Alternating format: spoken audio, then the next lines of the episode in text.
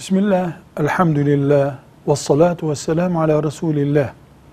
Toplumumuzda yer yer, özellikle de Anadolu kültüründe sık sık rastlanan, dışarıdan gelen birisi için ayağa kalkmak ya da öğrencilerin içeri giren hocaları için ayağa kalkması dinimizde var mıdır, uygun mudur?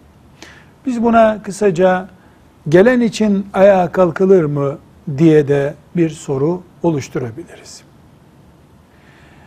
Bir kere bir ayrıntıya temas edelim. Eğer ayağa kalkmak bir din, ibadet mantığıyla yapılıyorsa bu caiz olmaz.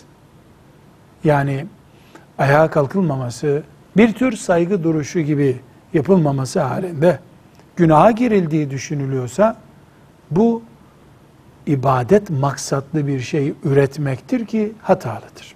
Ama yaşlı insanlara, alimlere, devletin adil idarecilerine, hocalara yani muallimlere içeri girdiklerinde ayağa kalkmak, misafir gelince bilhassa uzaktan gelen misafir için ayağa kalkmak ahlaki bir olaydır.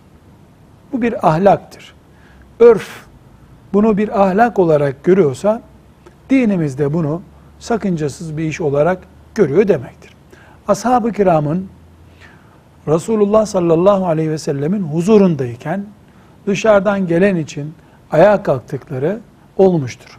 Hatta bir keresinde Resulullah sallallahu aleyhi ve sellem saat içeri girerken ayağa kalksanız da bu büyüğünüz için diye tembih ettiği de olmuştur.